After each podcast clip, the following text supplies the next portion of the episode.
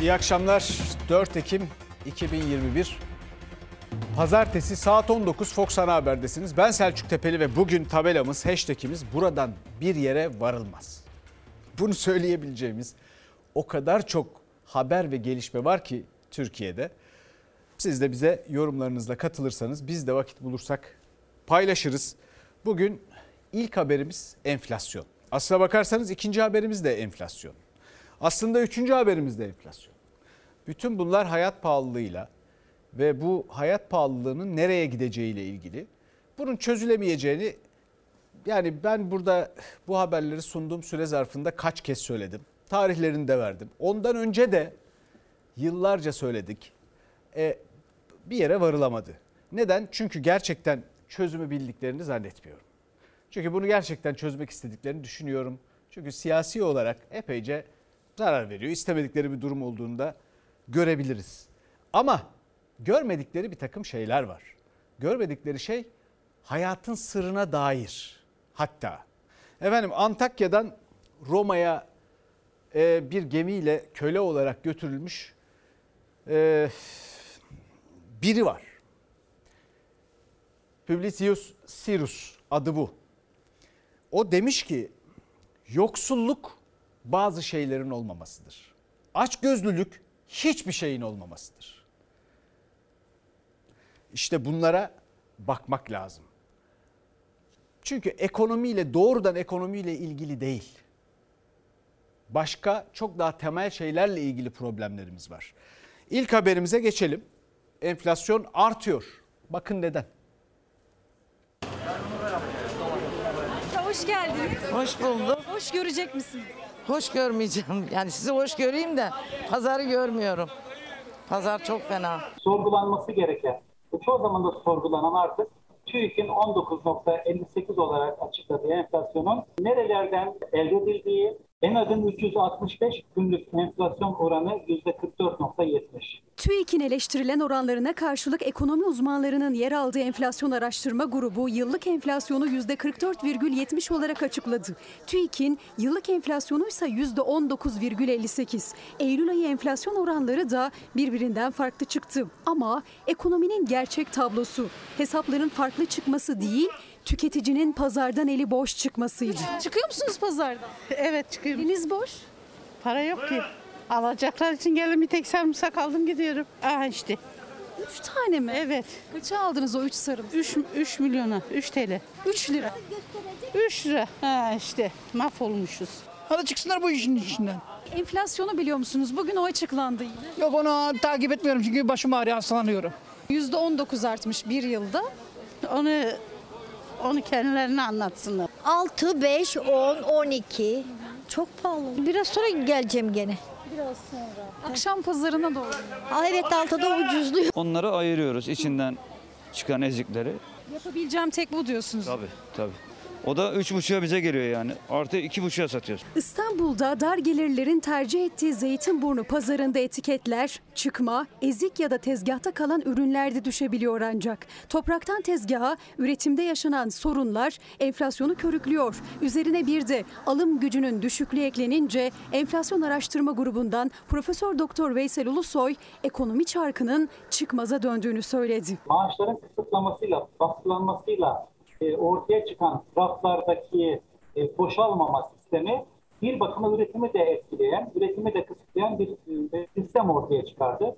Bu sistemin maalesef e, acısını çekiyoruz. TÜİK'in dahi enflasyon sepetinde 415 kalemin 401'i bir yılda pahalandı ve içlerinden en fazla payı yine gıda aldı. Domates, yumurta, tavuk eti, salatalık, kabak, patates, ayçiçek yağı zam şampiyonları listesindeydi. biberimiz, domatesimizi attık. Enflasyon tavası.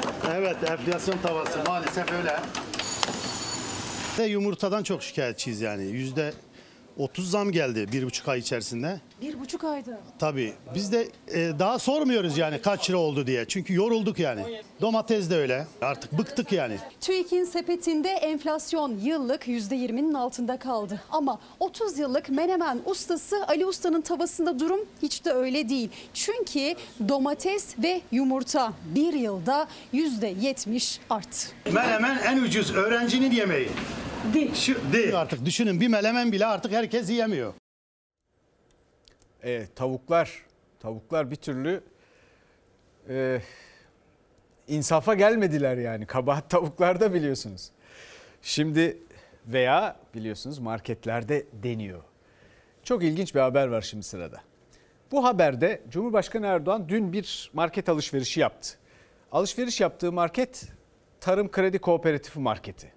Ki bu bir çeşit çözüm gibi e, önümüze kondu şimdi. Bunu da bir sonraki haberde konuşacağız. Fakat ilginç olan şu Cumhurbaşkanı marketteki fiyatları makul buldu. Ama aynı markete 2 yıl önce de gitmişti. 2 yıl önceki fiyatlarla şimdiki fiyatları kıyaslayalım. Bakalım nereden nereye gelmiş. Kalite noktasında, fiyatlar noktasında gayet uygun. Nasıl fiyatlar nasıl onu söyleyin. Çok uygun. Uygun değil mi? Evet. Cumhurbaşkanı Erdoğan iki yıl önce yine bir tarım kredi kooperatifi marketi ziyaretinde tüketiciye sormuş uygun yanıtını almıştı. İki yıl sonra yine alışveriş sonrası kendi açıklama yaptı. Fiyat uygun dedi. Ama aynı zaman zarfında ürünlerin üreticiden tüketiciye doğrudan ulaştırıldığı o marketlerde bile bazı ürünlerde fiyatlar yüzde yüz katlandı. Cumhurbaşkanı Erdoğan aldığı ürünleri kasadan geçirirken ekrana yansıyan görüntü. Ayçiçek yağın fiyatı 68 lira 90 kuruş ve bu fırsat ürünü. Bir diğer ayçiçek yağı Tarım Kredi Kooperatifinde 69 lira 90 kuruş teneke fiyatı. Aynı ürünün Tarım Kredi Kooperatifinin 2 yıl önce tam da bugün yüklediği görüntülere göre fiyatı 35 lira 90 kuruş. Yani ayçiçek yağına Tarım Kredi Kooperatifinde 2 yılda yaklaşık %100 oranında zam gelmiş. Üstelik bu sadece yağda değil neredeyse tüm ürünlerde geçerli. Gerçekten vatandaşımızın kesesine uygun fiyatların uygulandığı bir yer. Nakit mi ödedi? Evet nakit ödedi.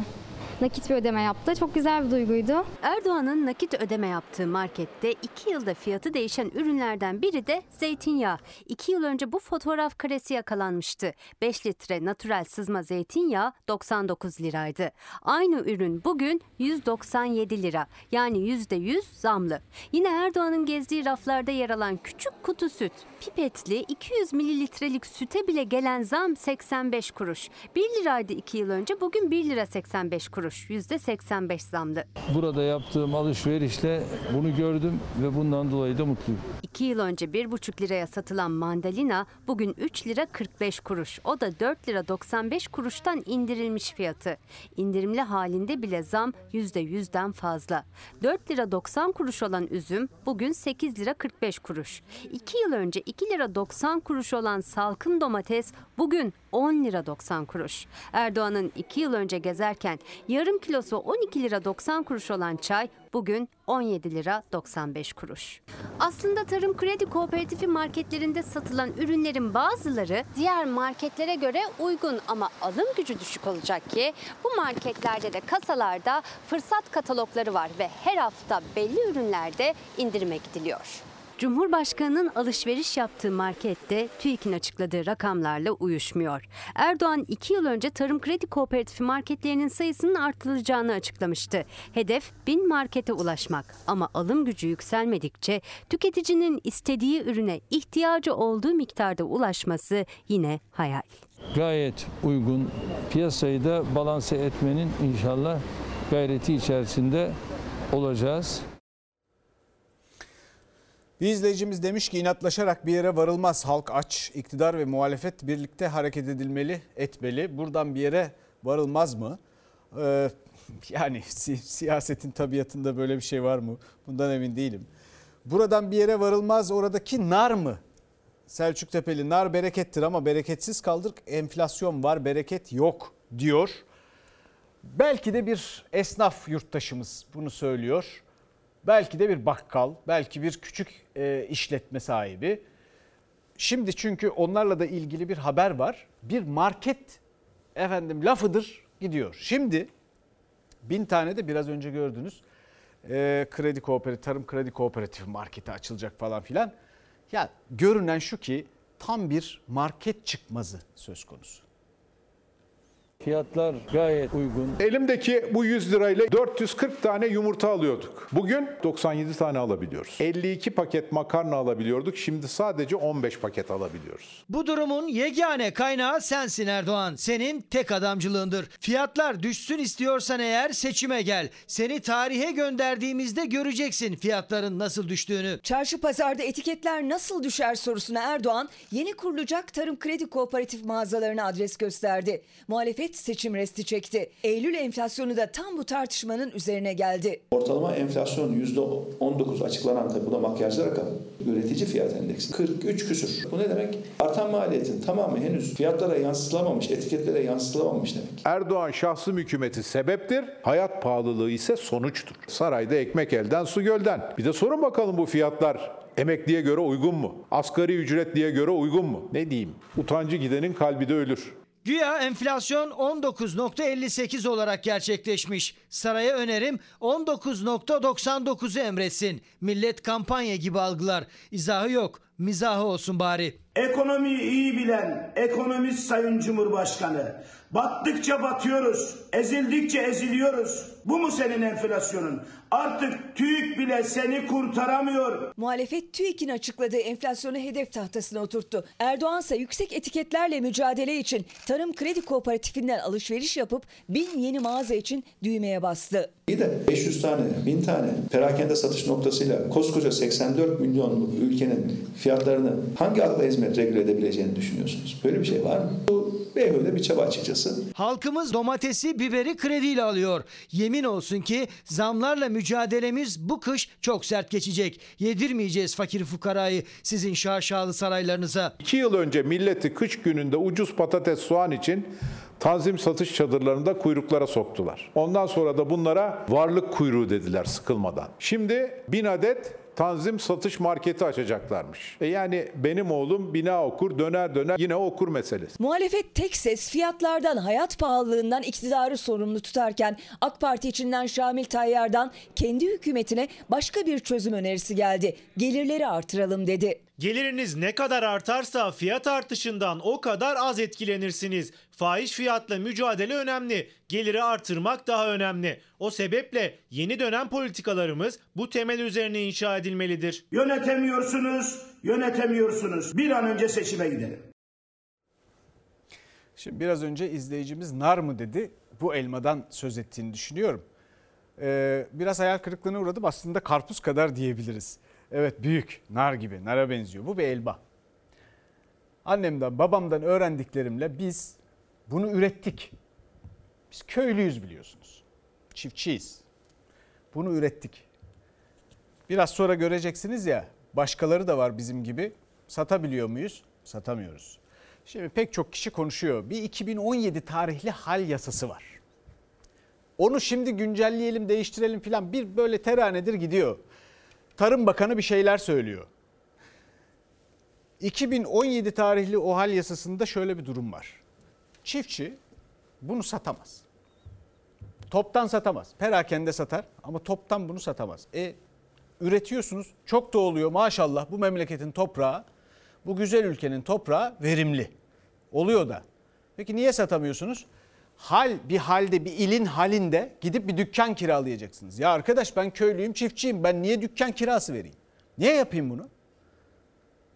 Hayır ona sizin yetkiniz yok. O zaman ne oluyor? Siz halden birileri gelsin diye bekliyorsunuz. Çok bekliyorsunuz tabii. Siz de onlar size ulaşsın diye bekliyorsunuz. Ya bu insanlar ne yapıyor arkadaş? Bu işleri yaparken hakikaten neye bakıyorlar? Amaçları ne? Ne istiyor olabilirler? Siyaseten kendilerine en çok puan kaybettiren konu. Bu kadar mı ermiyor akıl yahu? Bu kadar mı ermiyor yani? Kardeşim boşuna bunları laf olsun diye söylemiyorum. Yaptığımız için söylüyorum. Yaptığımız için. Ve yapanların da hepsi biliyor. Şu yapılanlarla da buradan da bir yere varamazlar. Çünkü bakın bu ülkenin çiftçisi, köylüsü ki köyleri boşaltıyorlar filan çiftçilikten uzaklaştırıyorlar. Büyük şirketler bu işi yapsınmış. İşte o zaman aç kalırız. Onların çünkü başka dertleri var. Verimlilikleri çok düşük. Bu işleri de zaten bilmiyorlar. Sonradan öğrenmekle olacak iş değil o. Tarım dünyanın her yerinde aile işletmeleriyle yapılır. Küçük işletmelerle yapılır. Her neyse. Bundan bahsetmeye devam edeceğiz. Ama insanlar şunu ister. Para falan da istemez. Birilerinin boğazından geçsin isterler. Ya hiç olmazsa bu iyi niyete aracılık edin arkadaş. Hiç olmazsa buna aracılık edin ya. Şimdi geçelim bir de benzer ayar bozuklukları ev, kira, konut meselesinde de var. Kirada ipin ucu kaçtı.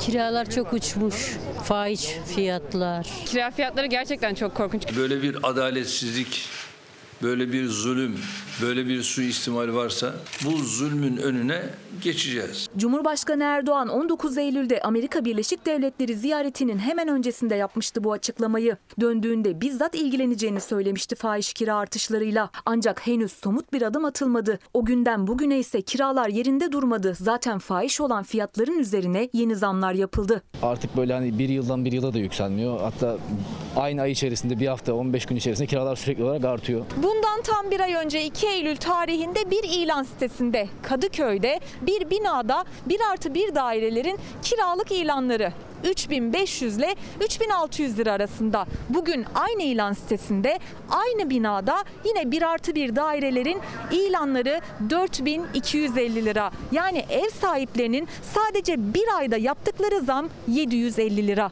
Sadece bir ayda yapılan zam oranı %21'in üzerinde. Aynı daireler salgının başında yani bir buçuk yıl önce ortalama 2000 liradan kiraya veriliyordu. Yıllık artış oranı %100'den de fazla. Bizim sokağımızda 2-3 kart arttı. Mesela benim oturduğum mahallede en az 500 TL'lik bir artış gerçekleşti ki bu 1 artı 1 işte çatıdan akıtan yıkılmaya yüz tutmuş evlerde sırf metro geleceğini söyledikleri için artan fiyatlar. Artık herkes hacizlik. Şurada en kötü baksanız daireye 3000 lira. Artı bunun elektriği, suyu, yakacağı bilmem nesi artık size hesap edin. Kaça patlar? İstanbul'da merkezi bir konumda 3 bin liranın altında kiralık daire bulmak artık neredeyse imkansız. Asgari ücretle geçinmeye çalışan da yaşayacak bir ev bulamıyor. Asgari ücrete çalışıyor ablam. Ne zamandan beri ev arıyor? Ya 3-4 aydan beri arıyoruz, bulamıyoruz. Çok pahalı, 3 bin lira. Hani düşük fiyatta bulamadık. Yok. Baktığımız evler de yaşanacaklığında değil. Çok kötü. Doğalgazı yok. Doğalgazsız eve 3 bin lira kira mı istiyor? Aynen öyle. Ne yapacaksınız? Bilmiyorum vallahi bilmiyorum. İnsan maaşının neredeyse tamamını kiraya veriyor. Ne oldu da birden e, yüzde yüz, yüz elliler zam?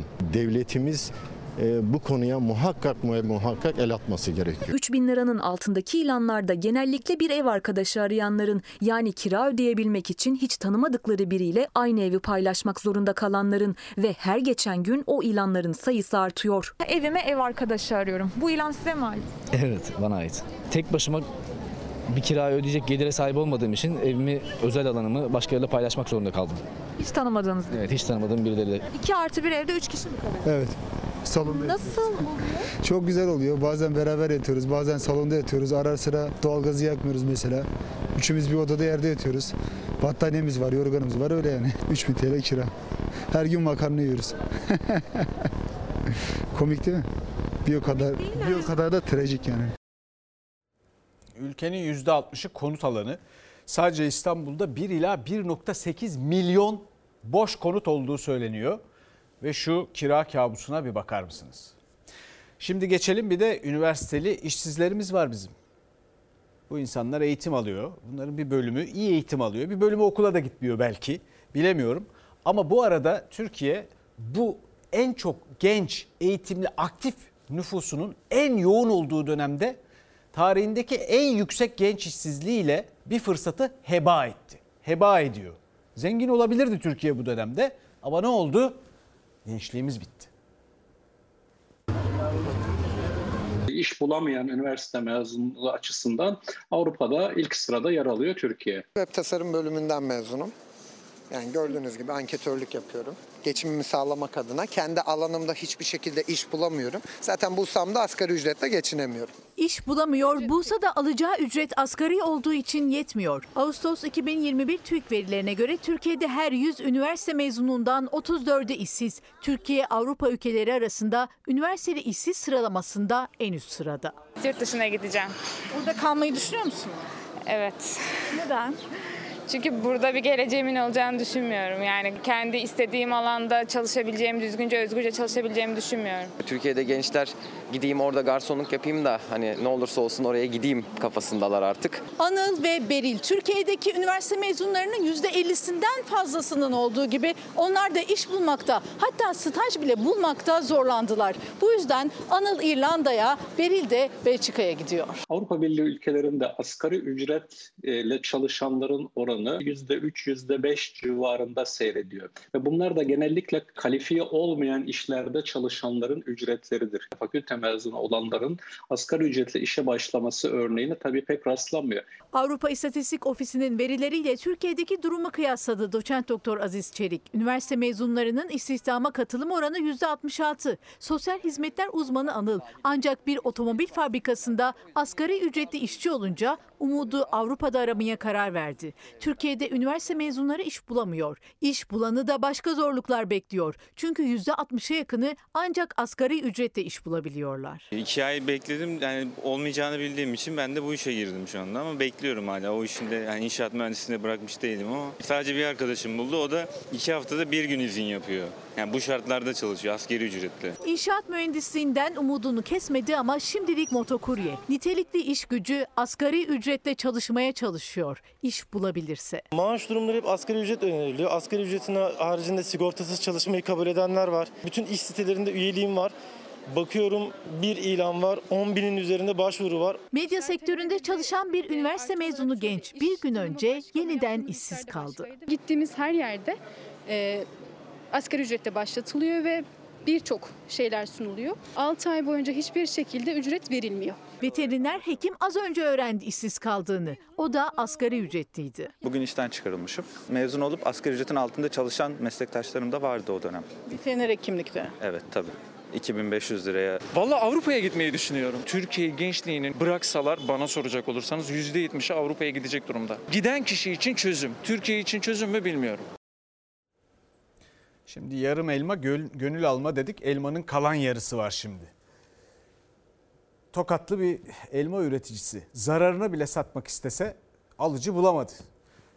Elmanın suyunun nasıl çıktığına bakalım. Geçen yıl 1 liradan 1,5 liradan satabilmişti elmayı tokatlı üretici. Bu yıl değil o fiyata daha ucuzuna bile alıcı bulamadı. Çiftçi de dalındaki sağlam elmaları yerlere döküp meyve suyu fabrikasına sattı. Bunun daha başka çaresi yok. Bunun şeyi yok en son dibe vurdu yok. Çiftçinin durumu bu. Tokat'ın meyve sebze deposu Kemalpaşa köyü. Burada yetiştirilen ürünlerden biri de elma. Her sene olduğu gibi bu sene de tonlarca elma üretti çiftçi ama bu yıl hiç alıcı çıkmadı. Geçen yıl 1 ile 1,5 liradan satılmıştı oysa o elmalar. Bu yıl üretici zararına bile razı oldu. Daha da ucuza satmak istedi. Buna rağmen elmaların yüzüne bakan olmadı. 12 ay böyle bakıyoruz, gidiyoruz ondan sonra işte tutuyoruz. Ee, en sonunda da kimse almayınca alıcı da yok. Hiç yok alıcı. Alıcı olsa vereceğiz yani. Ucuz pahalı demeyeceğiz. Vereceğiz ama alıcı hiç yok. Elmalar dalında kaldı. Yerlere dökülmeye başlandı. Dökülmeyenleri de kendi elleriyle yerlere döktü üretici. Olmadığı için biz de yere döküyoruz böyle. Yerden toplayıp götürüp dökülüntü veriyoruz. Dökülüntü. Daldaki elmayı dökülüntü veriyor. Alıcı bulamayan üretici elmalarını maliyet fiyatına 80 kuruşa meyve suyu fabrikasına sattı. Zararının bir kısmını böylelikle karşılamış oldu. Çiftçi bir sene boyunca baktığı meyvesini yere döker mi? Dökür. Elde kalınca meyveler. Biz de meyve suyu fabrikasına taşıyoruz. Silkeliyoruz, yerden topluyoruz. Yoksa bir sene boyunca yolunu gözlediği meyvesini böyle yere serebilir mi? Seriyor işte. Bir izleyicimiz demiş ki buradan bir yere varılmaz. Her seferinde ucuzluk marketleri açmak çözüm olabilir mi? Ucuzluk marketlerine ihtiyaç duyulan süreçleri gözden geçirmek lazım. Niye bu ihtiyaç oldu? Şimdi o bin tanzim satış mağazası meselesi var ya. Yani serbest piyasaya bakar mısınız? Devlet böyle tanzim satış mağazası açacak ki onu da açamıyorlar. Ya buradan ben şunu anlıyorum. Bakkalı, efendim manavı, küçük işletmesi Hani bu büyük market zincirlerine falan tanıdıkları imtiyazlarla falan batmadı. Şimdi bari biz devlet eliyle batıralım. Böyle serbest piyasa olur mu ya? Efendim e, şimdi bakliyata geçeceğiz. Siyasette bir kurtlu bulgur tartışması var.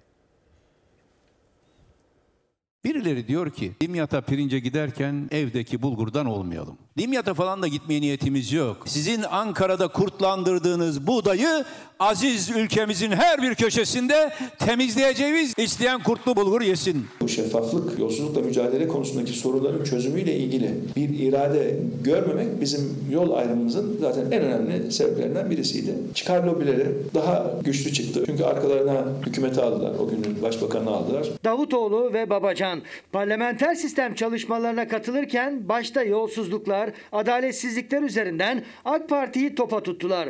Kurtlu bulgur polemiğini ateşlediler. Şunu demeye çalışıyorlar. Evet yolsuzluklar, yanlışlıklar, adaletsizlikler var ama kurtlu da olsa evdeki bulguru yiyelim. Biz siyasete kurtlu bir bulgur için girmedik. Türkiye tıpkı muhtıra dönemlerinde olduğu gibi gece yarısı alınan kararlarla yönetilen karanlık bir girdabın içine sürüklenmiş durumda. Her iki isim de sistem eleştirilerinin ve parlamenter sistem isteklerinin sıcağında iktidarı ağır sözlerle eleştirdiler. Deva Partisi demokrasiye geçiş eylem planı sloganıyla partisinin güçlendirilmiş parlamenter sistem önerisini paylaştı. İktidarla eski yeni tartışması başladı. Partili Cumhurbaşkanlığı uygulamasına son vereceğiz. Cumhurbaşkanını temsili yetkilerle donatacağız.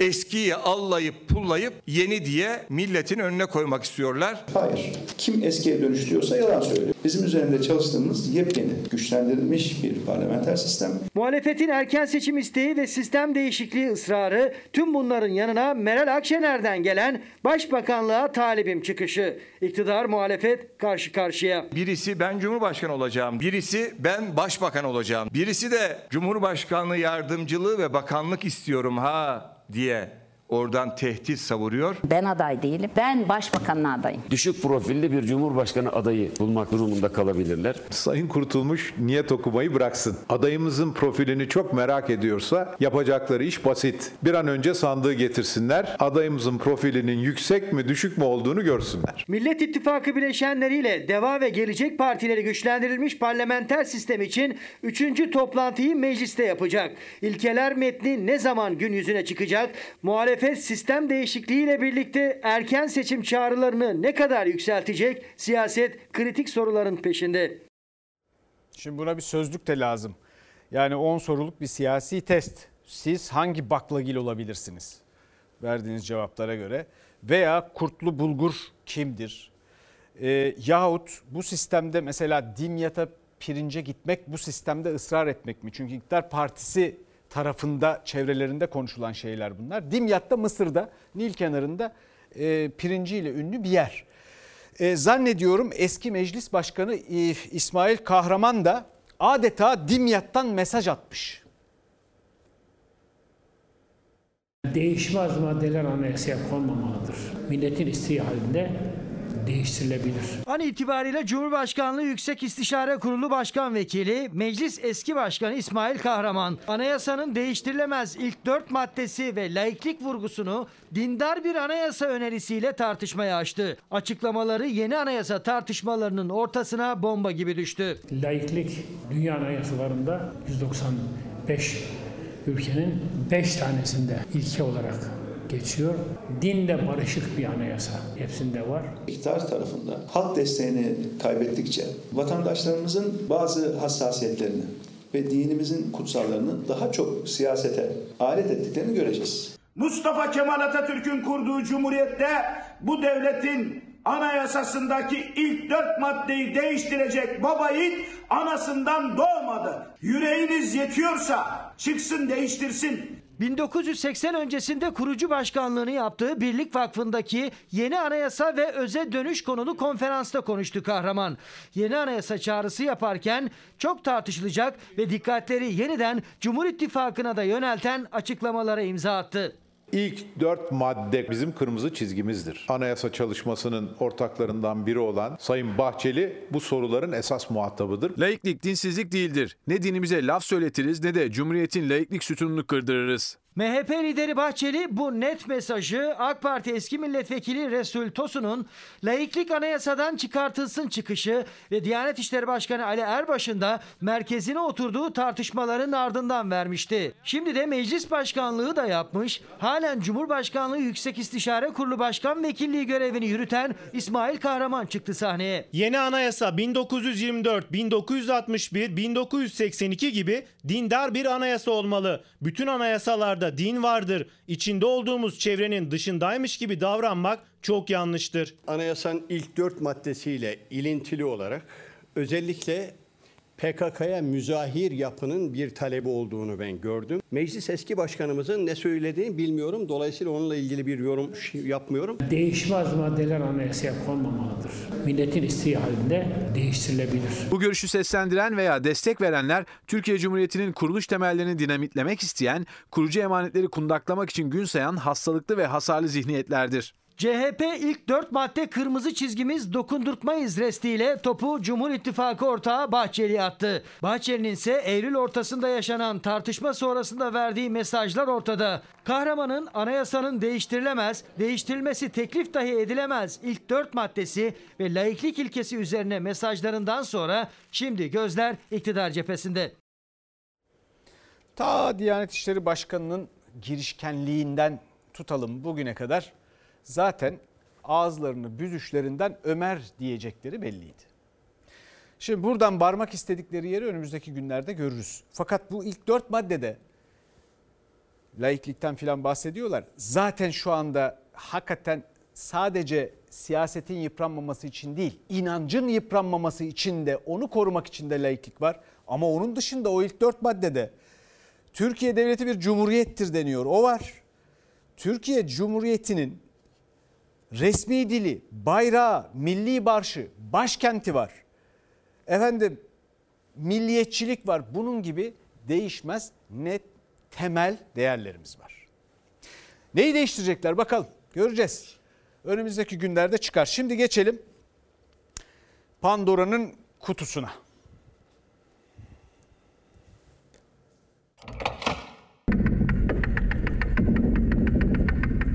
Pandora'nın kutusu açıldı. Dünya liderlerinin gizli servetleri ortaya çıktı. Vladimirovich Putin.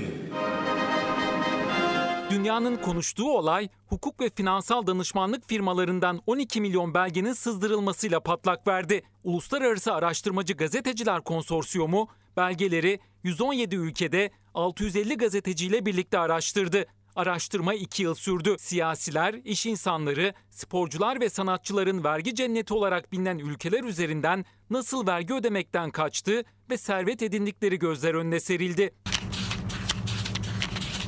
Listede 35'i siyasi lider, 336 politikacı yer aldı. Ünlü teknik direktörler Guardiola ve Mancini ile Shakira, Elton John ve Julio Iglesias gibi ünlü şarkıcıların adı da belgelerde geçiyor.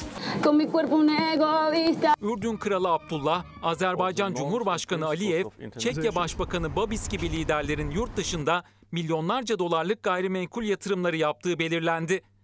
Belgelere göre offshore hesapları üzerinden Kral Abdullah'ın 106 milyon dolar, Aliyev'in ise yaklaşık 545 milyon dolarlık emlak yatırımı bulunuyor. Ürdün Kraliyet Sarayı, Kral Abdullah'ın İngiltere ve Amerika'daki yatırımını kişisel servetinden yaptığını açıkladı.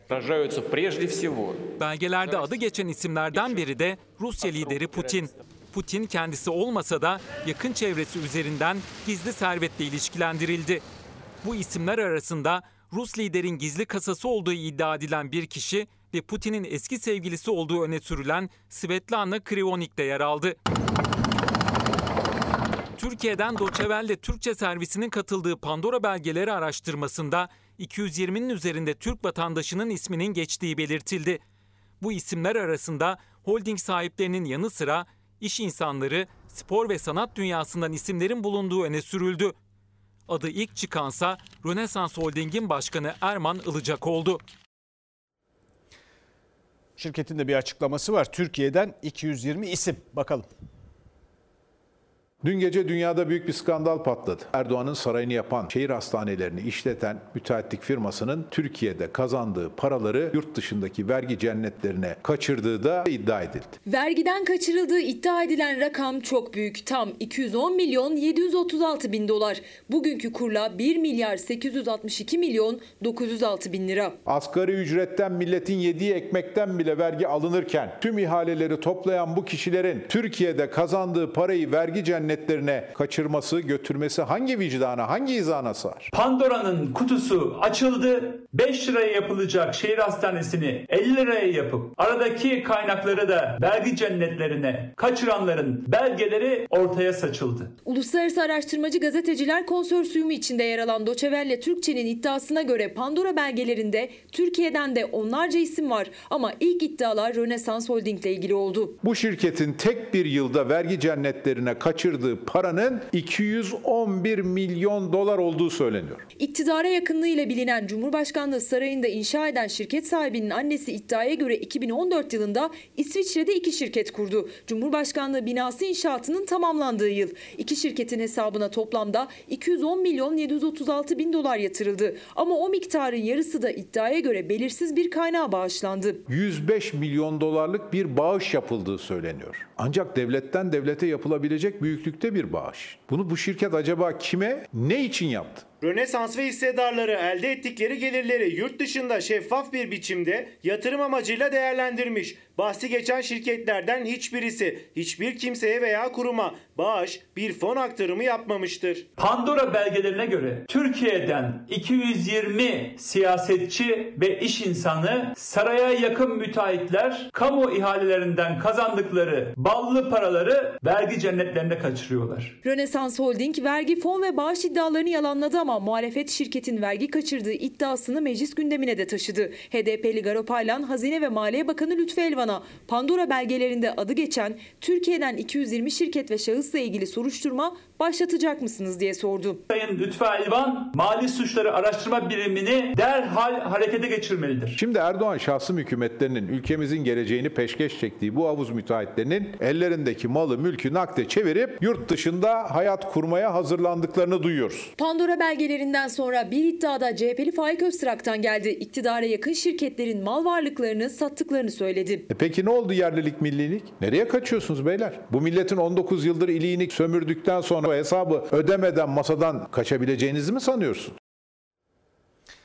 Şimdi buradan bir yere varılmaz. Bizim memleketin büyük şirketlerine, güzel ihaleler alan şirketlerine, büyük sermayesine anlamakta zorlanıyorum. Yani burada yasa dışı bir şey yok.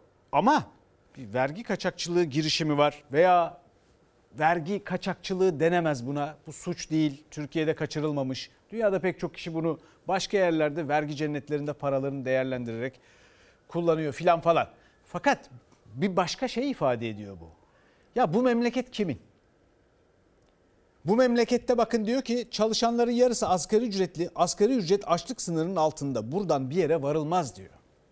Bütün felsefesine aykırı. Ya bana kalırsa böyle gerçeklerden kaçmak yerine yani bu kadar seviyorsanız gidin onunla konuşun bence.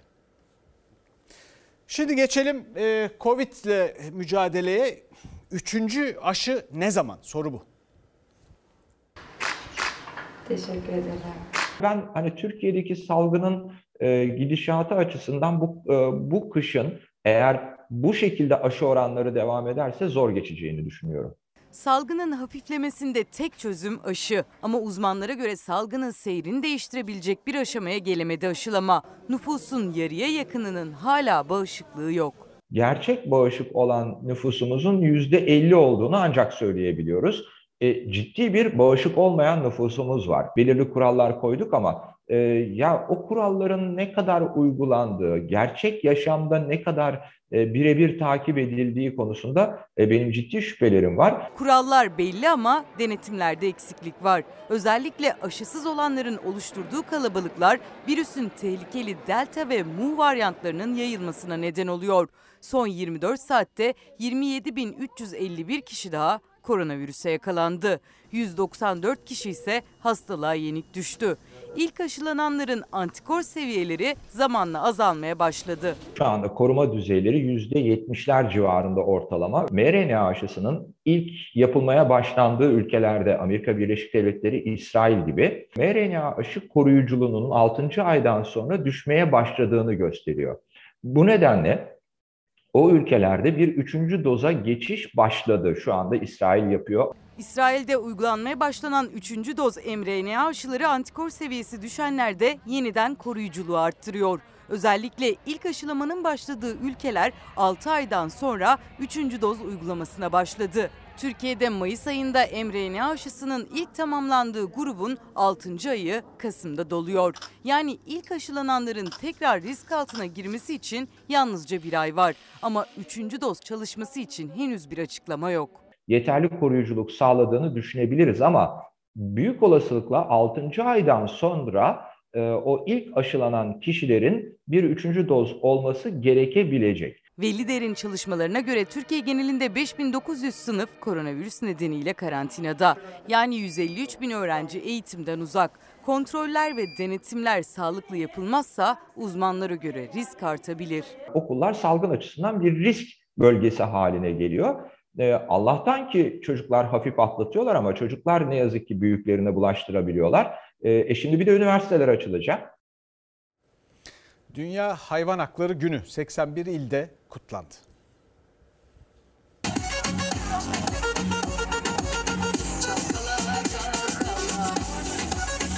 Şimdi yanında genelde mama olamıyor. Üzülüyorum onlar için.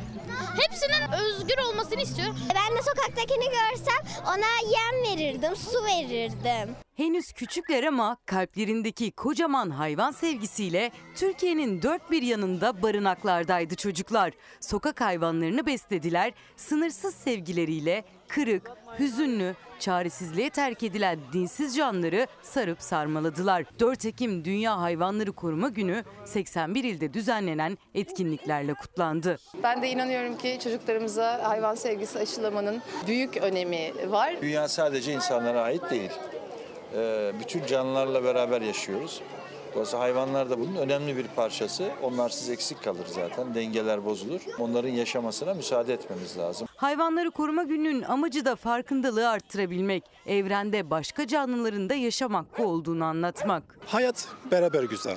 Tüm canlıların nefesine bir bütündür hayatımız ve biz onlarla beraber mutlu yaşadığımız sürece, onlara temas ettiğimiz sürece o hayat bizim için mutlu bir hayat olacak. Şuna inanıyoruz. Yani hayatımızı sevgi güzelleştirecek. Sokağa terk edilen hayvanların sahiplendirildiği, yaralarının sarıldığı, karınlarının doyurulduğu etkinliklerden biri de İstanbul Esenyurt'taydı. Esenyurt Belediyesi Veteriner İşleri Müdürlüğü Modern Hayvan Bakım Evi ve Rehabilitasyon Merkezi'nde Fox Haber sunucusu Gülbin Tosun da sık sık ziyaret ettiği patili dostlarıyla buluştu. Köpek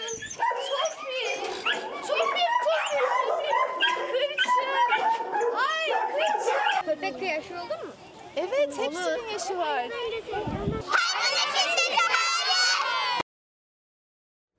Gülbin de çok uğraşıyor, yoruluyor. Ona da kolay gelsin diyelim hayvan hakları için.